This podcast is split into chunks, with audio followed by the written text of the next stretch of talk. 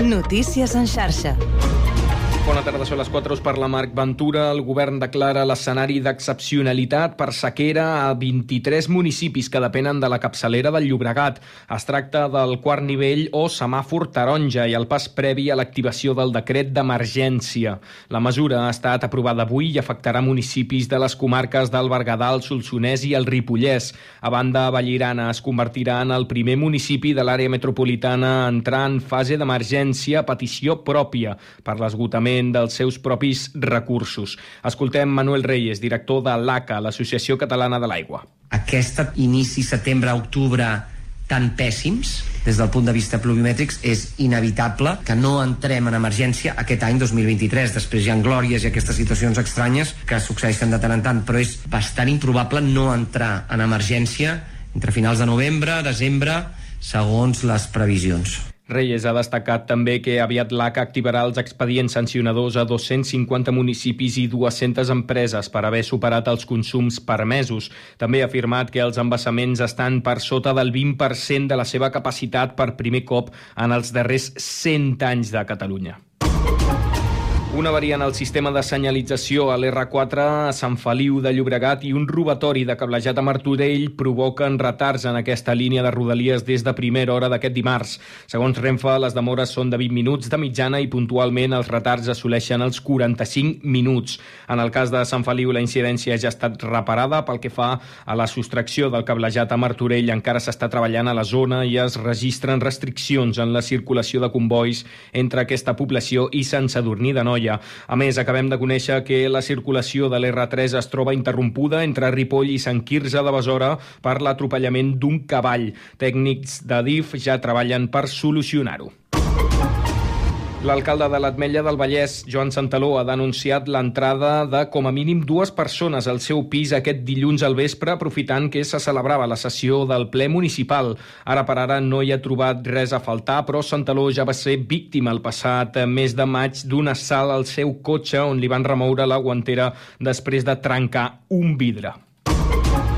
I en els esports, Aitana Bonmatí és eh, la guanyadora de la Pilota d'Or 2023 que premia la millor futbolista mundial de la temporada passada. La migcampista de Ribes, molt emocionada, agraïa el premi tenint un record per la seva família i per als clubs que l'han format. La d'Aitana Bonmatí és la tercera Pilota d'Or consecutiva per una futbolista catalana i del Barça després de les dues anteriors guanyades per Alexia Putelles. Notícies en xarxa. 4 i 3 minuts. Comença el Connectats.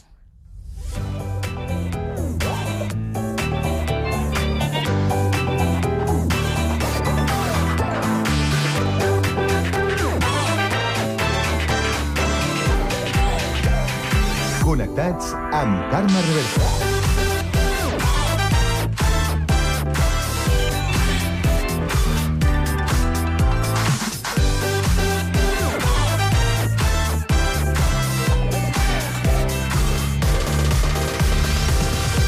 Molt bona tarda, salutacions i benvinguts al magazín de tarda de la xarxa, al Connectats a l'àrea metropolitana de Barcelona. Aquest programa que, com sabeu, fem Ràdio Sant Cugat, Ràdio Sabadell, la Ràdio Municipal de Terrassa, el Prat Ràdio, Ràdio Ciutat de Badalona i Ràdio Castellà.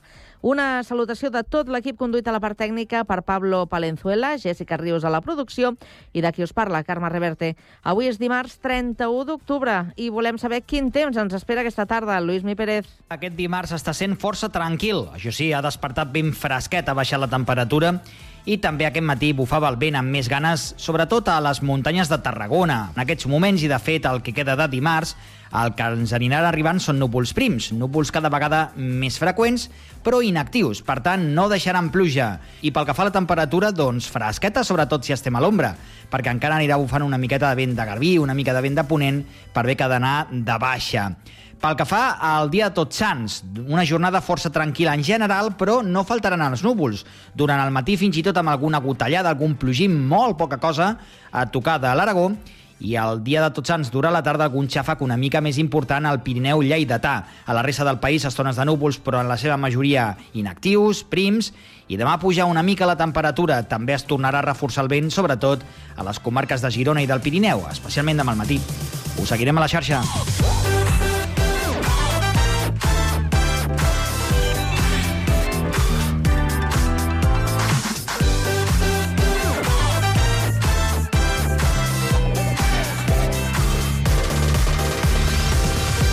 Molt bé, doncs avui al Connectats nosaltres farem balanç de la primera setmana de la innovació de la Universitat Autònoma de Barcelona, però ens interessarem pel seu estat de salut. Li preguntarem al seu rector, el senyor Javier Lafuente. Acabarem aquesta primera hora amb la tertúlia generalista per parlar de més restriccions a propòsit de la sequera, com acabem d'escoltar fa uns eh, minuts, i de l'inici de la campanya de Nadal a les nostres ciutats. A partir de les 5 coneixerem l'Ateneu Sant Roc de Badalona a través de la presidenta de la seva fundació, Ana Vicente. Continuarem amb salut per parlar del trastorn del llenguatge amb Llorenç Andreu, catedràtic dels Estudis de Psicologia i Ciències de l'Educació d'Educació de la UOC i acabarem amb cultura per ocupar-nos del llibre La vella Europa del castellarenc Marc Masdeu. Tot això i més des d'ara i fins a les 6 de la tarda a la vostra emissora local. Connectats? Comencem. Dance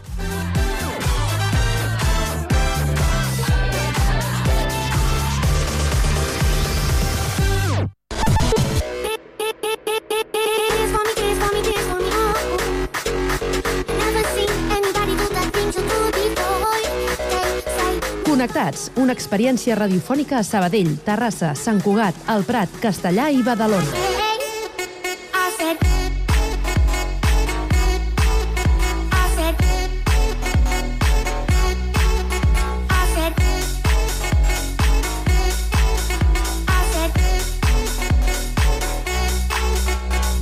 Connectats amb Carme Reverte.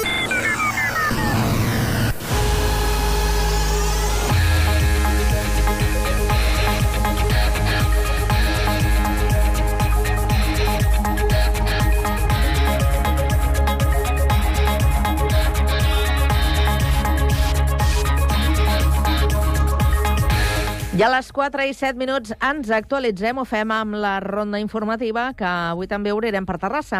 Sergi Estapé, bona tarda. Bona tarda. El Centre Cívic President Macià de Terrassa es va quedar petit per homenatjar Jacinto Ábalos Cardona just quan es complien els 40 anys de la seva mort. El 30 d'octubre de 1983, aquest jove anarquista terrassenc va aparèixer mort a la presó de Carabanchel i era des de feia dos anys detingut sense proves, torturat i condemnat per terrorisme. Les circumstàncies de la seva mort, oficialment un suïcidi, encara avui no s'han esclarit. L'acte va servir també per presentar l'estudi que un grup d'historiadors ha iniciat per recordar la figura de Jacinto Ábalos i el paper dels moviments d'esquerra a la ciutat durant la transició. Ábalos va formar part de l'Associació de Trabajadores por una Vivienda Digna. L'homenatge a Ábalos va comptar amb la presència de molts militants d'esquerra i de moviments socials que consideren aquest home com una víctima política de la transició espanyola o, com van dir en l'acte, de la transacció espanyola. Gràcies, Sergi. I ara seguim per la Cocapital avui a Sabadell, que és notícia. Pau Duran, bona tarda. Bona tarda. Les farmàcies sabadellenques confirmen un augment de la prescripció de l'Ozempic, un medicament avalat per diabètics que també s'està utilitzant contra l'obesitat. L'efectivitat d'aquest medicament en el tractament de la diabetis ha suposat un augment de la seva prescripció, un increment que topa frontalment amb els problemes de vestiment que està suportant. Per la coordinadora del Col·legi de Farmacèutics del Vallès Occidental Est, Meritxell Blanchard, que també s'estigui prescrivint a persones amb obesitat, agreuja el problema evidentment, que perjudica. Clar, el tractament, aquest medicament serveix per diabetis, llavors quan es fa ús per altres coses que poden estar més o menys aprovades, clar, també hi ha més pacients, a, diguéssim, a, a la bossa, no? I, I que, clar, més pacients volen aquest medicament, clar, està clar. Blanchard assegura que les farmàcies col·laboren per trobar els medicaments que necessiten els pacients. Tot i això, admet que a vegades no ho aconsegueixen i com que no existeix un medicament genèric que substitueixi el tractament, els pacients han de tornar al metge. Gràcies, Pau. Anem ara fins al litoral, a Badalona, per saber què és el que destaca en la crònica informativa. Andrea Romera, bona tarda. Bona tarda, Carme. L'Associació de Veïns del Gorgmar i la dels Marxants de Badalona posen en marxa una recollida de signatures per aconseguir que el Mercat del Gorg es mantingui a la Rambla del Gorg.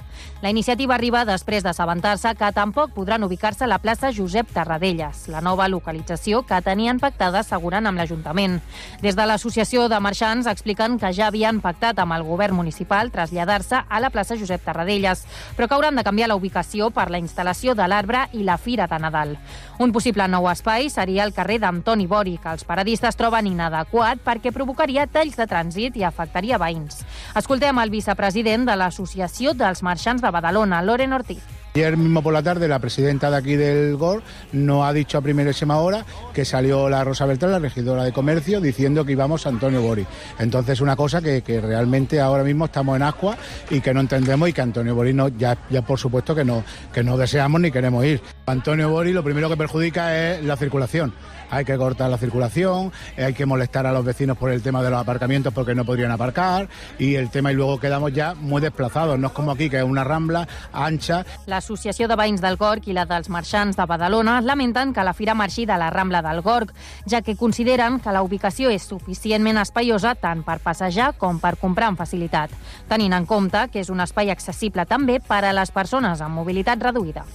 Gràcies, Andrea. Seguim encara al litoral. Ara des del Prat de Llobregat, Lluís Rodríguez. Bona tarda. Bona tarda. Els cementiris al Prat es preparen per la commemoració de Tots Sants de dimecres. Tot i la gran afluència que s'espera per la jornada en els últims dos mesos, ja no han augmentat les visites a aquests espais. I és que, tal com explica el gerent de la zona sud d'Àltima, Enrique Agustín, aquesta és una tradició encara molt arrelada i les famílies ja fa setmanes que preparen les sepultures. Encara persisteix aquesta tradició, sobretot per aquesta època, i bueno, ja realment des de principis de setembre ja es comença a veure un augment de l'afluència als diferents cementiris que gestionem. La gent aprofita pues, bueno, per posar una mica al dia les sepultures, Mhm. eh, preparant una mica aquest dia que potser pues, ja es ve amb tota la família i que realment el que es busca és que estigui tot a punt. Per aquests dies, els cementiris amplien els seus horaris de 9 del matí a 6 de la tarda. A més, s'hi organitzaran diversos actes i reforç amb les línies d'autobús urbà.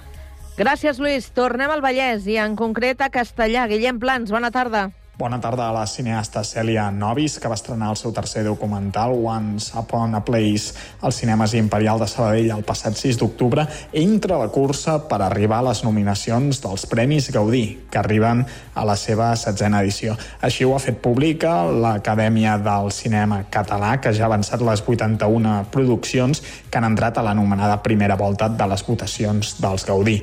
Novis haurà de competir amb 15 documentals. Gràcies, Guillem. Abans de tancar un repàs a l'actualitat de Sant Cugat que ens porta Jessica Ríos. Bona tarda. Bona tarda. Viuràs tranquil·lament en, ubi en ubicacions estratègiques, lluny del caos de la ciutat. Podràs gaudir de més calma, connectar amb la natura, fer esport i respirar.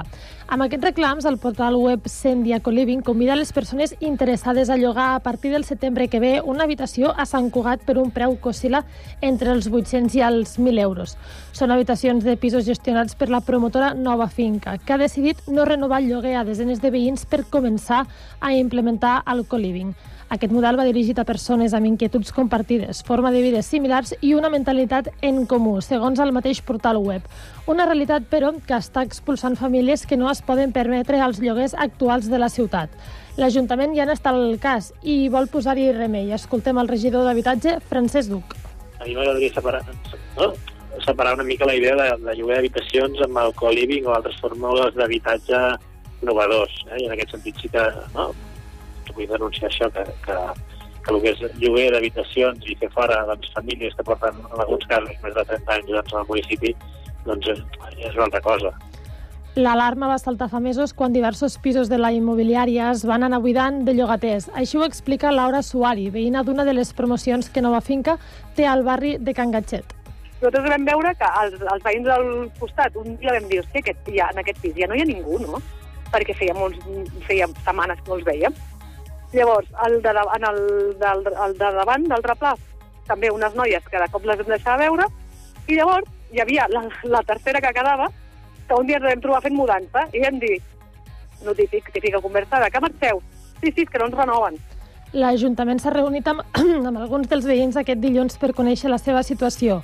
Una de les més difícils, una parella de jubilats de 72 anys que porten 37 anys vivint en el mateix pis que no els han renovat el contracte i que hauran de marxar de Sant Cugat perquè no poden fer front al preu de l'habitatge del municipi. Per altra banda, des del sindicat de llogateres també han creat un grup per coordinar-se amb els afectats.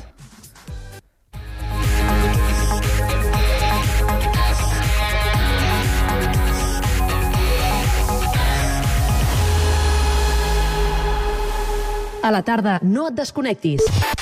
A la teva ràdio local, connectats. Can't touch this. You can't touch this.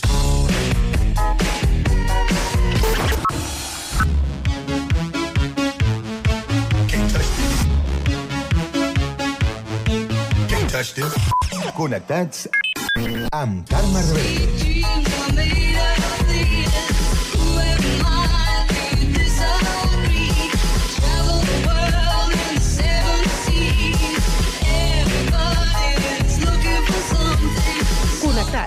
Una experiència radiofònica a Sabadell, Terrassa, Sant Cugat, El Prat, Castellà i Badalona.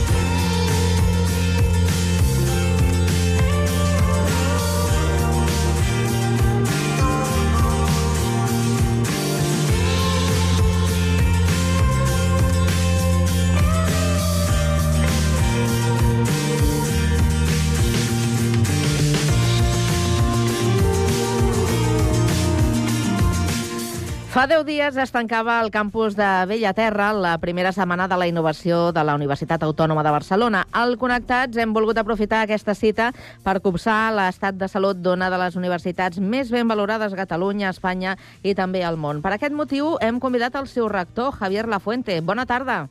Molt bona tarda. Eh, com anar aquesta primera edició de la, de la Setmana de, de la Innovació? I expliqui'ns una mica en què consisteix. Bueno, eh, ha estat, ha estat molt interessant, perquè havíem, tenia algunes coses que les havíem fet d'una forma separada i hem decidit eh, juntar-lo per intentar començar a tenir més, bueno, intentar no, per tenir molt més impacte en, en el territori. I llavors, en principi, van fer actes cada dia de la setmana diferents. El primer dia de la setmana van estar fent un sistema de eh, presentació de prototipus, de, de, de casos d'èxit i coses que havien fet. El segon dia van fer una fira, la segona fira de la innovació, perquè havien fet una fira anteriorment. Aquesta vegada va haver quasi 300 persones de, de diferents empreses i institucions d'aquí de, del voltant, de, del territori, eh, on van fer més de 200 reunions el, el dimecres, van fer la presentació de, del col·lectiu d'empreses del Parc de Recerca, que és grans empreses, van venir quasi 20 empreses, on van treballar una mica els reptes de, de les necessitats de la societat i, i cap a on tenim que anar i, i connectar entre el que seria eh, les necessitats socials i, de, i de, les ofertes de, de la universitat.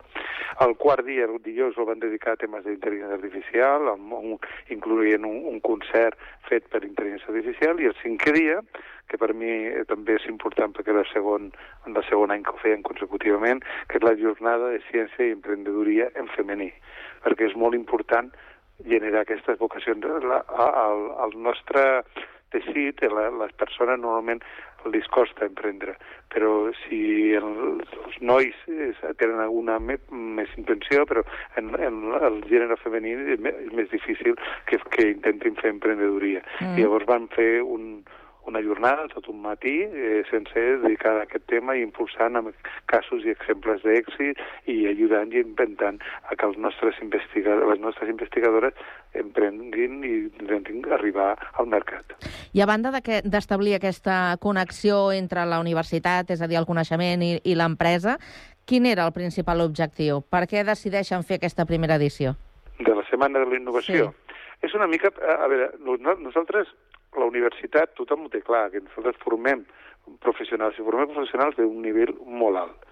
A més a més, fem recerca i intentem desenvol- desenvolupar noves tecnologies, nous casos, però si alguna cosa històricament ha fallat és la connexió entre la universitat o la recerca, els centres de recerca i la societat.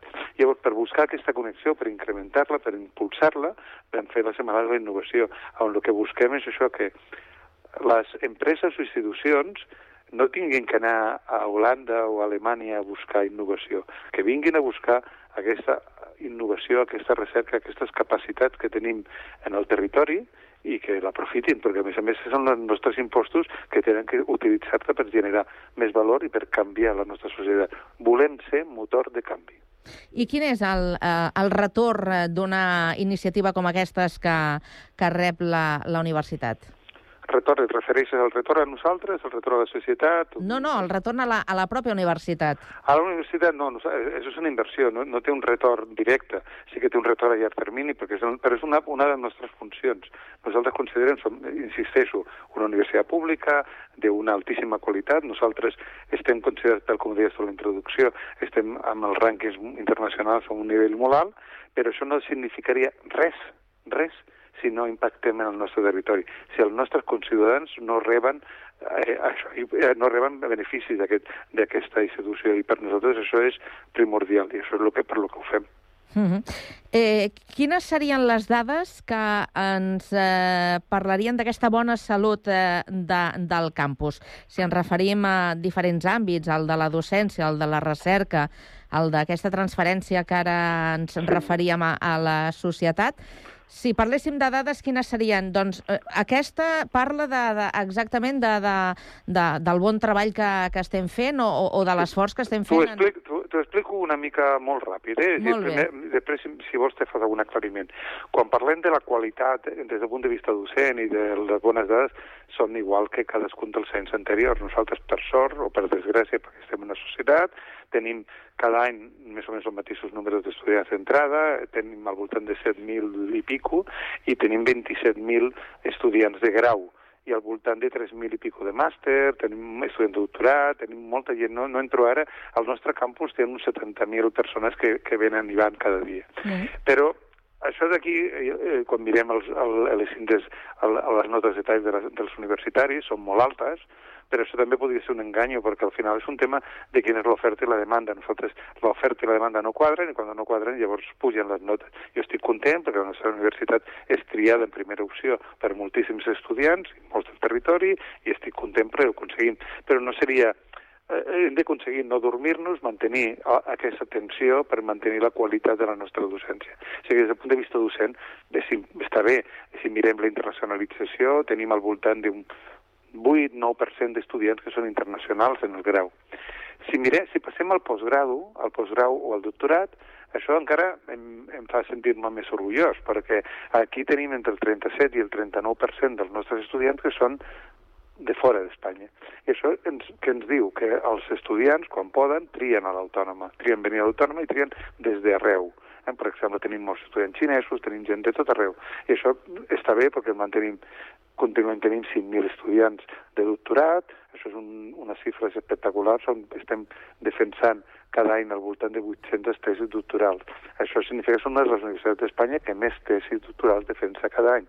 Eh, tot això són mesures des del punt de vista docent. Si ens anem a la recerca i mirem les dades del, de, del programa de recerca de la Unió Europea, eh, crec que en l'últim programa són la primera universitat d'Espanya en programes d'aquests competitius en, en, en, en obtenció de fons. Si mirem la transferència, eh, en els últims cinc anys són la universitat que té més patents a nivell internacional, patents fetes a, a nivell europeu, no espanyoles, i que és com les fem nosaltres. Però si a més a més mirem quin és l'impacte que té, avui mateix en l'expansió tenim un article d'una empresa que va crear l'autònoma, que, ha, que ha estat comprada per una empresa americana, i a més a més ens ha, ens ha interferit tot el que seria l'acord de llicències, per lo qual és possible que en uns pocs mm, anys hi hagi un retorn important de fons per la nostra universitat per invertir-los una altra vegada en fer recerca i formació al més alt nivell. Perdona per la resposta tan llarga. No, no, però il·lustrativa per saber efectivament doncs, eh, quina és la situació actualment. Eh, si ens fixem en, eh, en la zona on eh, es troba l'autònoma, la, la, a, a la comarca de, del Vallès Occidental, eh, sí que ens agradaria que ens pogués comentar una mica quina és la relació que mantenen a nivell institucional, amb ajuntaments, eh, amb empreses. Ho dic perquè el seu naixement eh, doncs, eh, l'ubiquem al 68. Per exemple, la Facultat de Filosofia i Lletres es va instal·lar aquí al monestir de, de Sant Cugat. Eh, després, més endavant, al 72, eh, l'Escola Universitària d'Estudis Empresarials eh, a Sabadell. I novament a Sant Cugat, al 73, es fa l'Escola Universitària de, de Mestres. Vull dir que eh, d'aquesta base, d'aquest origen, eh, i, i per la seva ubicació, es desprèn que mm, un cert teixit eh, i una certa relació s'ha mantingut. Ara mateix, quina, quina seria? Bé, Afegeixo una cosa que no has dit, que és medicina, en el, en el Partaulí, que fa bé de, bé de 15 anys. Mm. Nosaltres inicialment eh, naixem eh, d'aquesta forma que deies tu, 68, 72, en un lloc. També comencem estudis de medicina a, a l'Hospital de Sant Pau a Barcelona. Sí, correcte. I, i després eh, ja es comença a construir el que seria el campus, en aquell moment una situació una mica, anem a dir, franquista o prèvia a, a la situació actual, eh, i anem creixent i anem considerant. Però per nosaltres, jo t'ho he dit abans en un moment, per mi el meu, el, el meu objectiu, l'objectiu de, la, de la universitat, no, no del rector, de tota la universitat, que jo el que faig és representar-la, és arribar al màxim prestigi internacional, intentar arribar a, ara mateix si mirem algun rànquing en el QS, que és un de molt prestigi, estem en la, en la posició 146 del món, eh, després ja si vols te parlo d'algun del número de, de universitats que entren en aquest rànquing, i, i, però no té cap, cap resultat si no, si no impactem en el nostre territori. Quin és el nostre territori? El Vallès. Ara fa cinc anys, jo estava com a vicerector, van crear el que seria el Hub B30, o el Hub d'Innovació B30, que està pensat, i fixa't, ja amb el nom i tot no posa Universitat Autònoma, posa Hub B30, mm. perquè intenta indicar una connexió entre totes les diferents ciutats i pobles que hi ha entorn al- als Vallesos, des del Baix Llobregat fins a, a, a, al final del, del Vallès Occidental, eh, incloent tota la ciutat, intentant connectar. I això estava fet i està fet i està funcionant molt bé, no des d'un punt de vista de l'autònoma, eh, no, no, és, de, és innovació cooperativa, eh, on ens connectem tots, on tothom té alguna que aportar, on està la Politècnica, on està el de Creàpolis, on estan tots els ajuntaments, però també estan les associacions d'empresaris, on el que busquem és donar resposta als reptes de la societat. I per això nosaltres és superimportant. Mm -hmm. eh, anem a una qüestió més concreta. Si recordem el malaurat eh, ciberatac que es va produir el 2021, eh, això eh, ha obligat a l'autònoma a prendre a, o a reforçar les mesures de, de seguretat? Com està ara? Uf, vamos Explico una mica el tema del ciberatac. El tema del ciberatac ens va portar pràcticament un any de, de treball. Eh? de treball. No va ser un any de problemes, sinó un any de treball perquè nosaltres al cap de les classes, a diferència del que deien alguns, no van parar en cap moment, però eh, diguem que van decidir canviar totes les estructures informàtiques.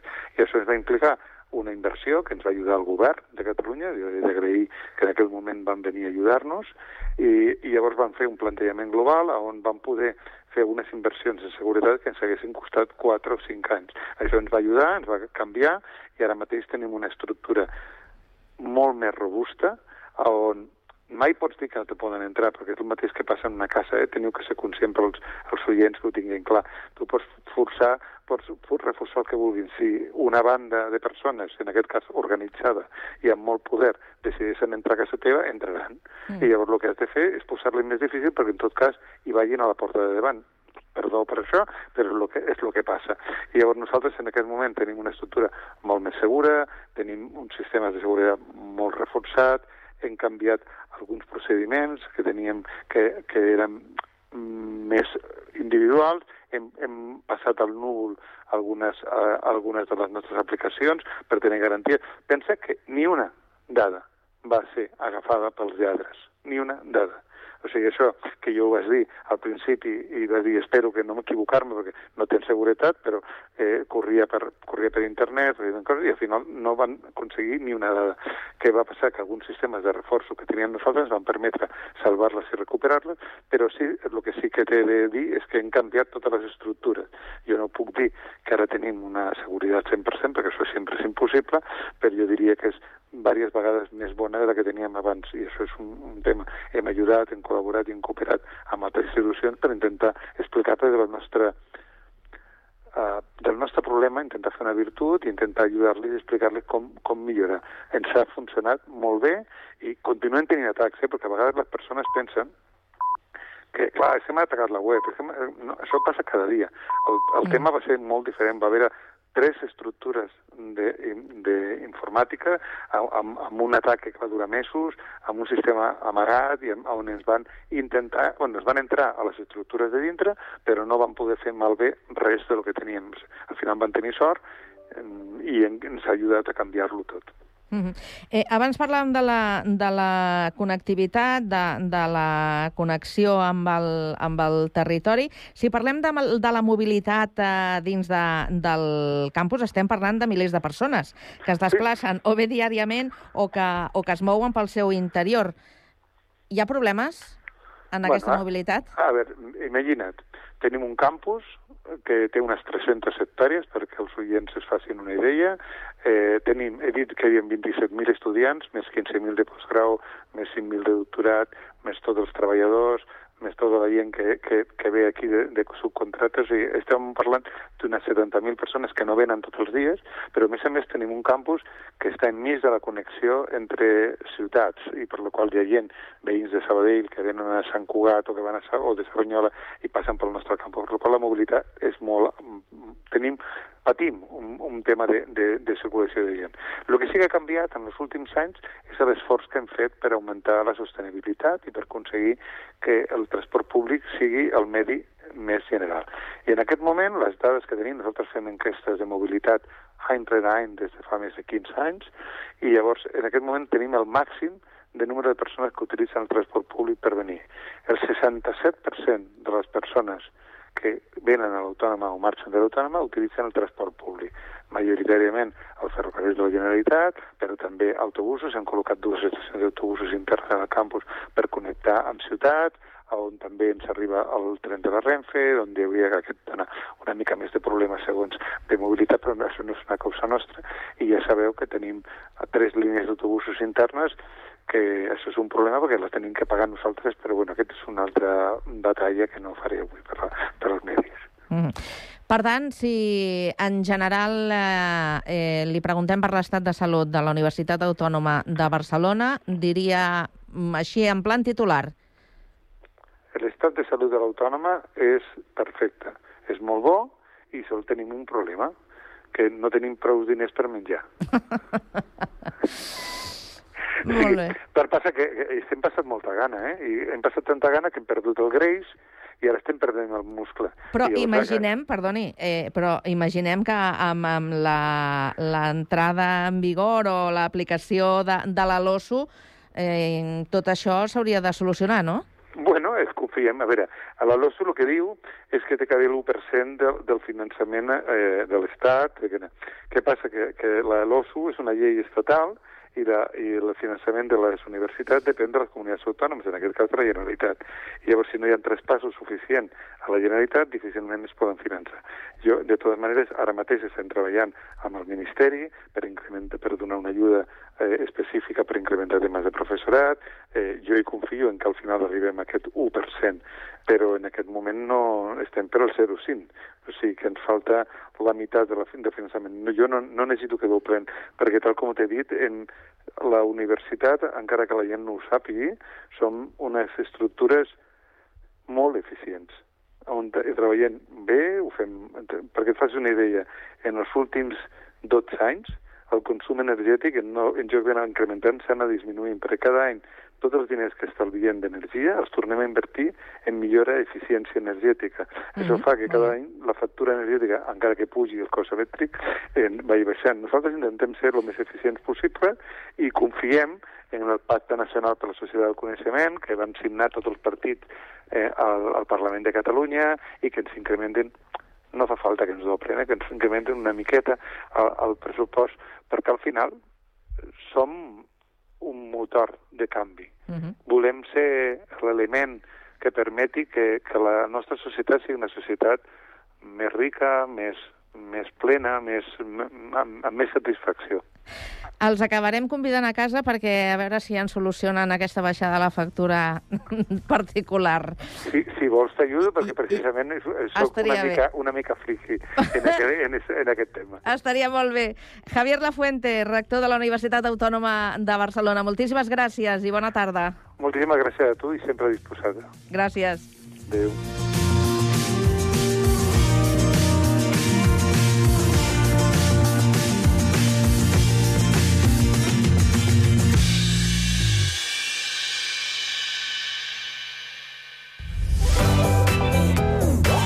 Connectats. Una experiència radiofònica a Sabadell. Ràdio Sabadell, 94.6. Terrassa. Ràdio Municipal de Terrassa, 95.2. Sant Cugat. Ràdio Sant Cugat, 91.5. El Prat. El Prat Ràdio, 91.6. Castellà. Ràdio Castellà, 90.1. I Badalona. Ràdio Ciutat de Badalona, 94.4. Cada tarda de 4 a 6, connectats.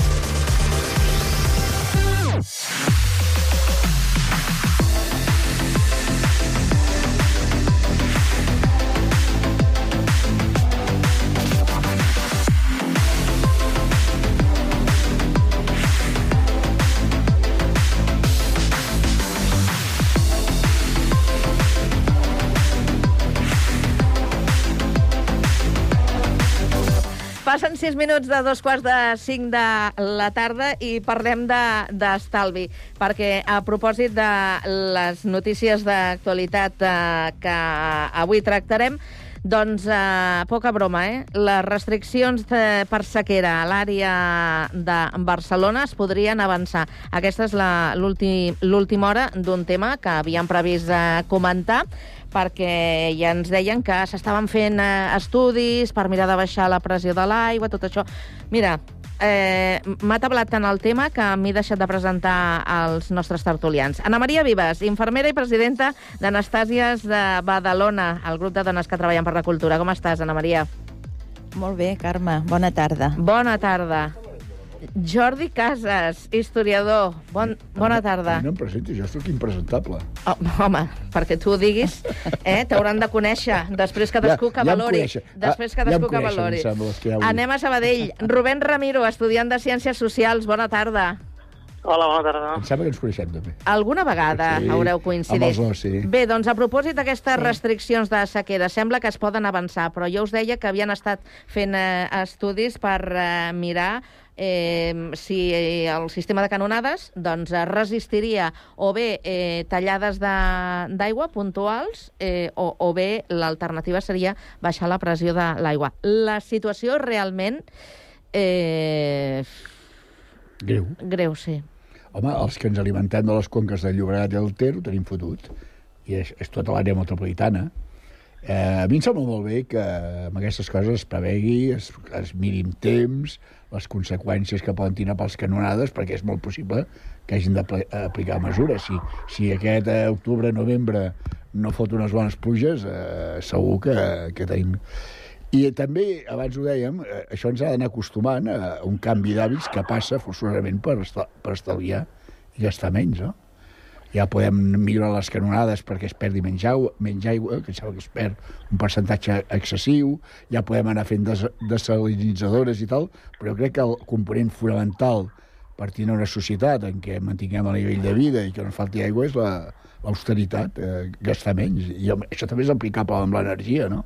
Sí, Que- sí, sí. I tots els que en saben i que fan prediccions diuen que un element central és l'austeritat, gastar menys aigua, noia. Com ho veieu, Ana Maria? Sí, sí, no, no, és, és la, la cultura de l'estalvi. Això ho tenim que, ens ho tenim que anar posant tots una mica al cap, no?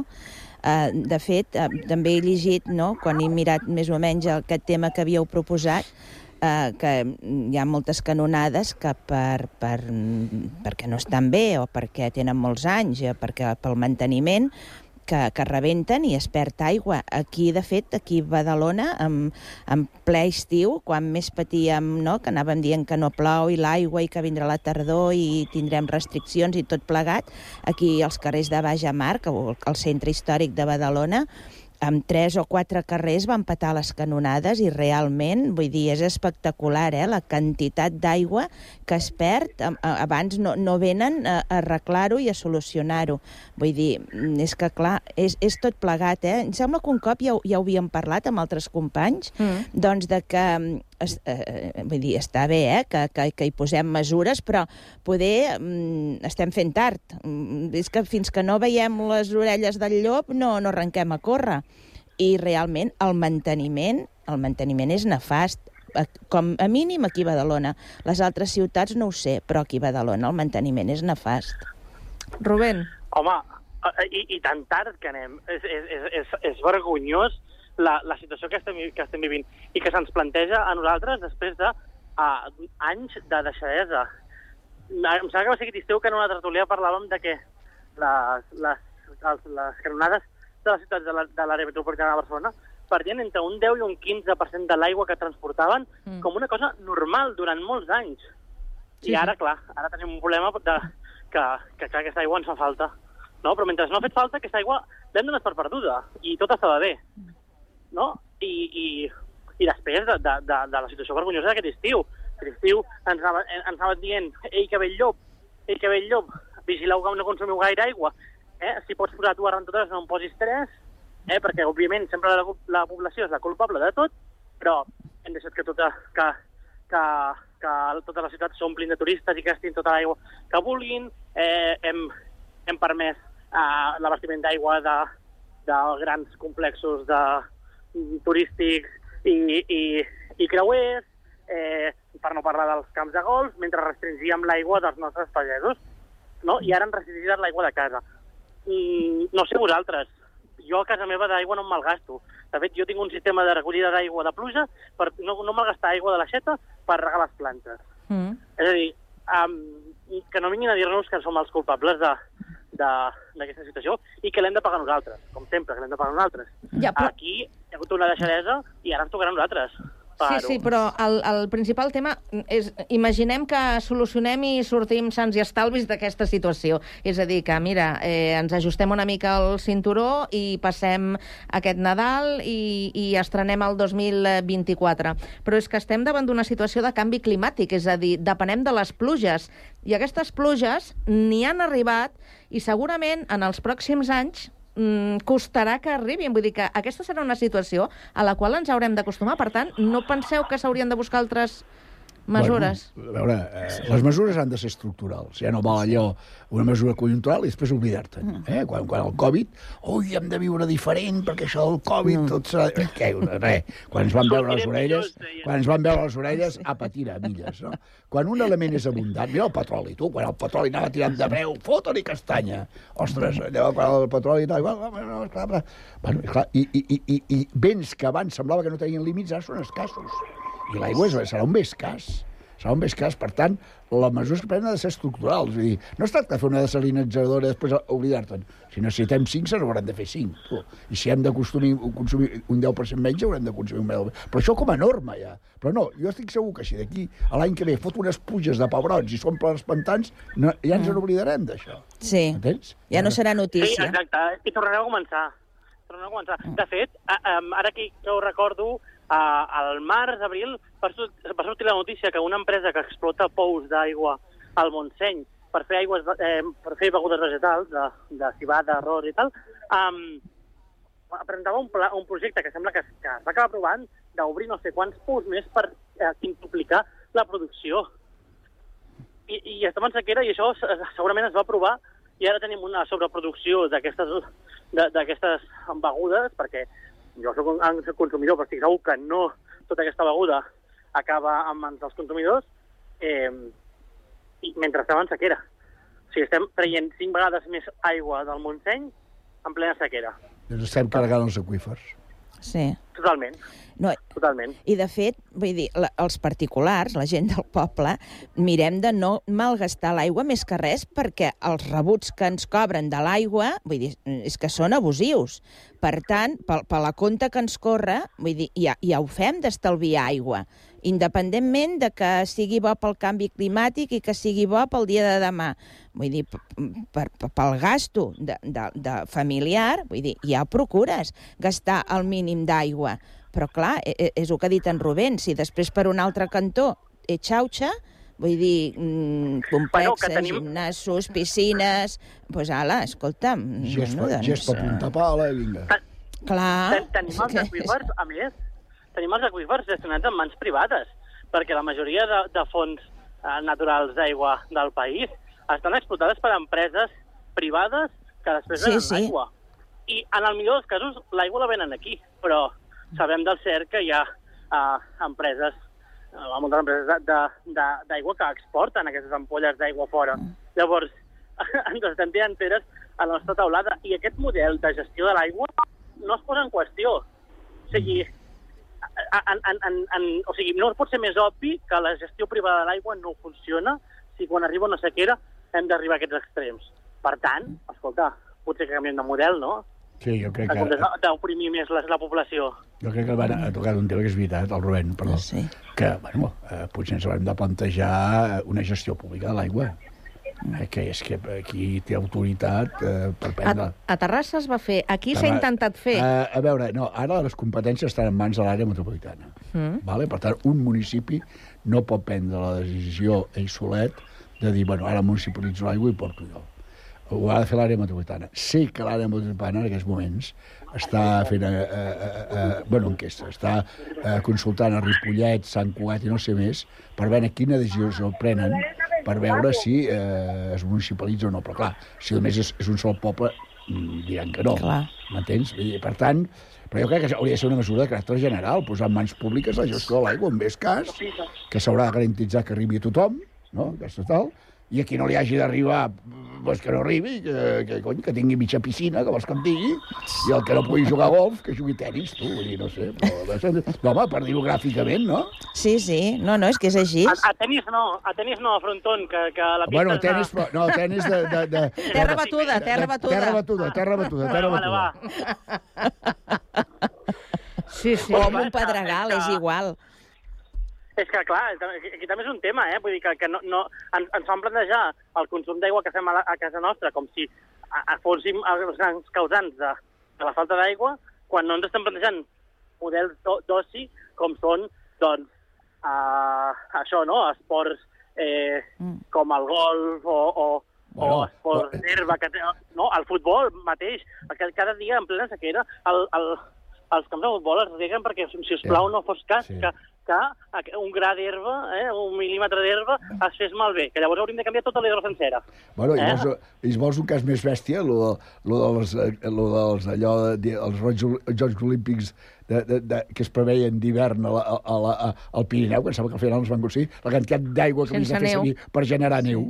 Mm. Sí, sí, Vols una cosa més bèstia? és, que, és que, esclar, diu, però si hi ha, no, què cony Jocs Olímpics d'hivern si no hi ha neu als Pirineus? Què vols fotre? Pompos talco? I que...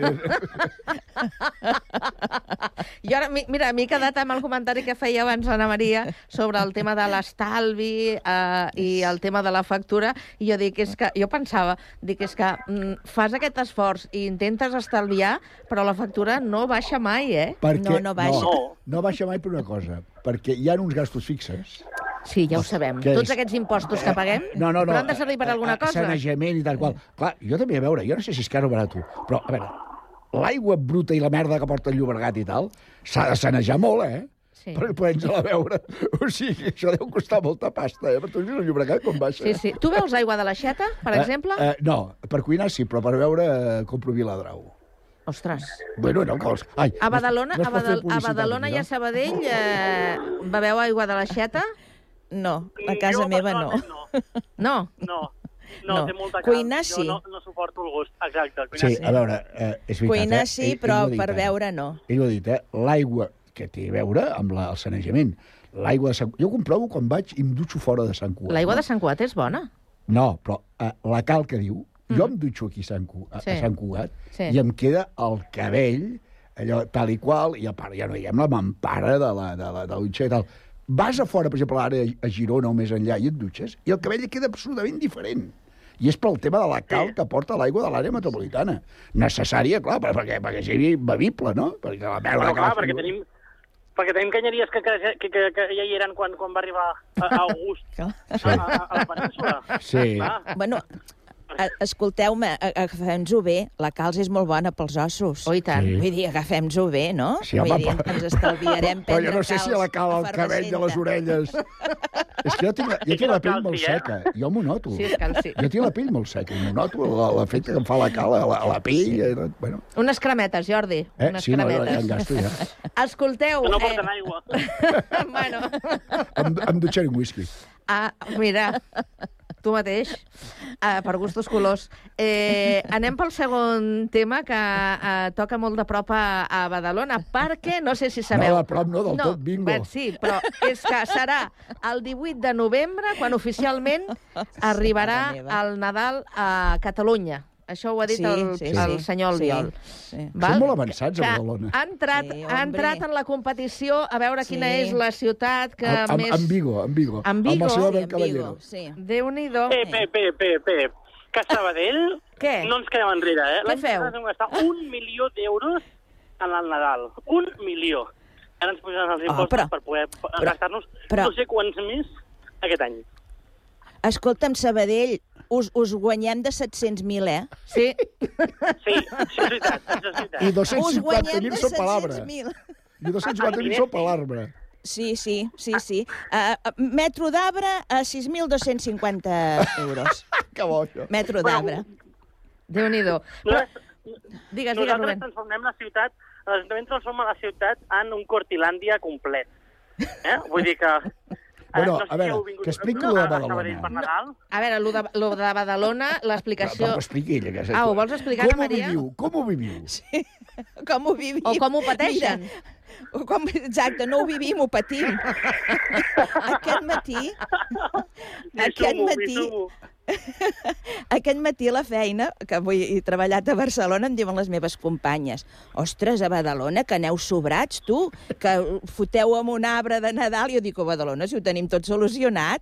Mira, la biblioteca oberta, que és mentida. Tenim la biblioteca central tancada, primer per goteres, després perquè no hi havia aire condicionat, després perquè no hi havia calefacció, després altre cop per goteres, Que tancada. aprofitin l'aigua de les goteres, que ha vist les que. Per regar l'arbre. Una galleda. Espais, espais municipals sense aire condicionat tot a l'estiu. Qualsevol espai municipal, inclús, incluïdes les, les oficines, eh? Menjadors eh, socials, res. Eh, els bancs d'aliments, mm, que falten aliments cada setmana més. Ara tindrem un arbre preciós, Mm. Eh, obrirem, eh, celebrarem el Nadal de tota Catalunya, vull dir, ja no tan sols d'aquí, sinó de Catalunya.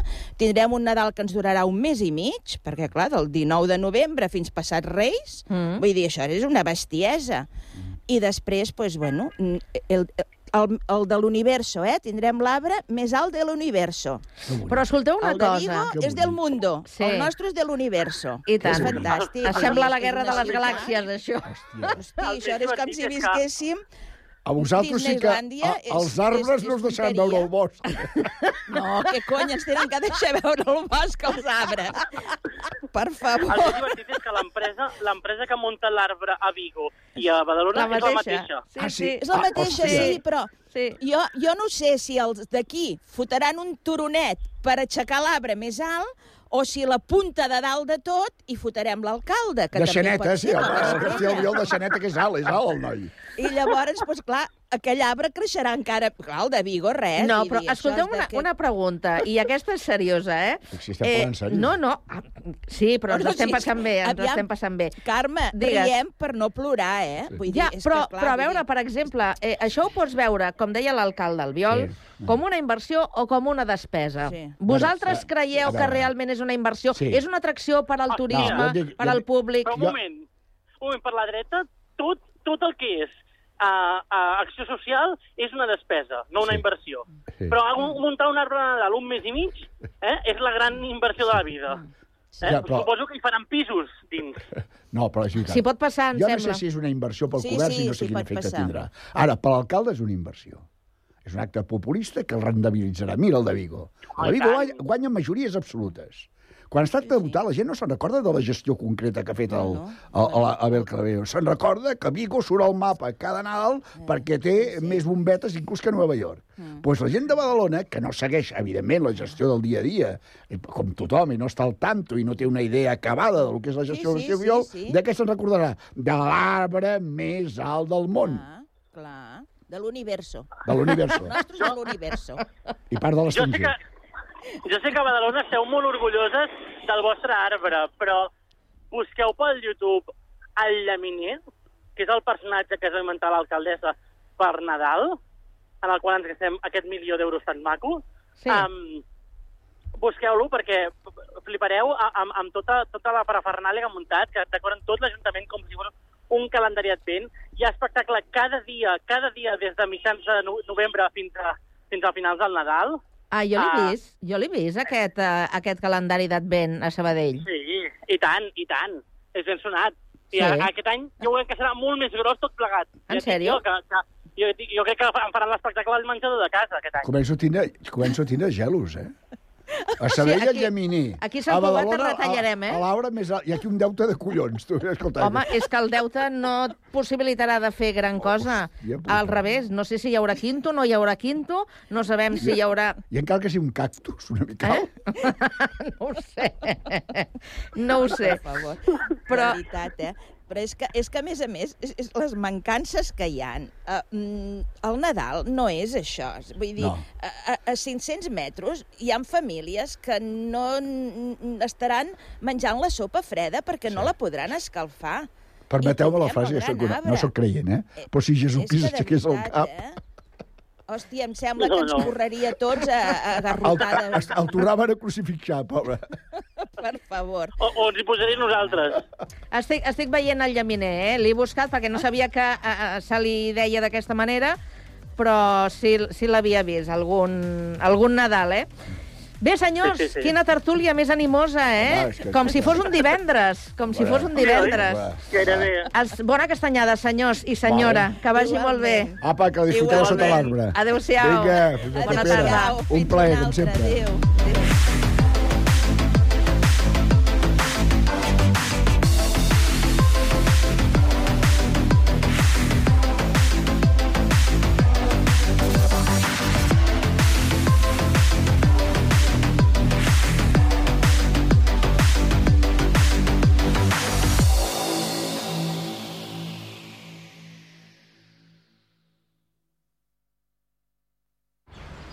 Estàs pensant en posar plaques solars a casa teva?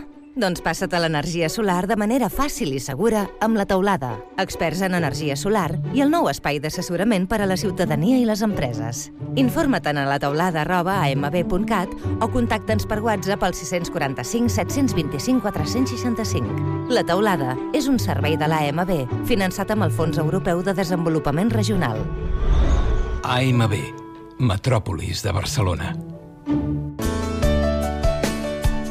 Ràdio Sant Cugat. 91.5 FM.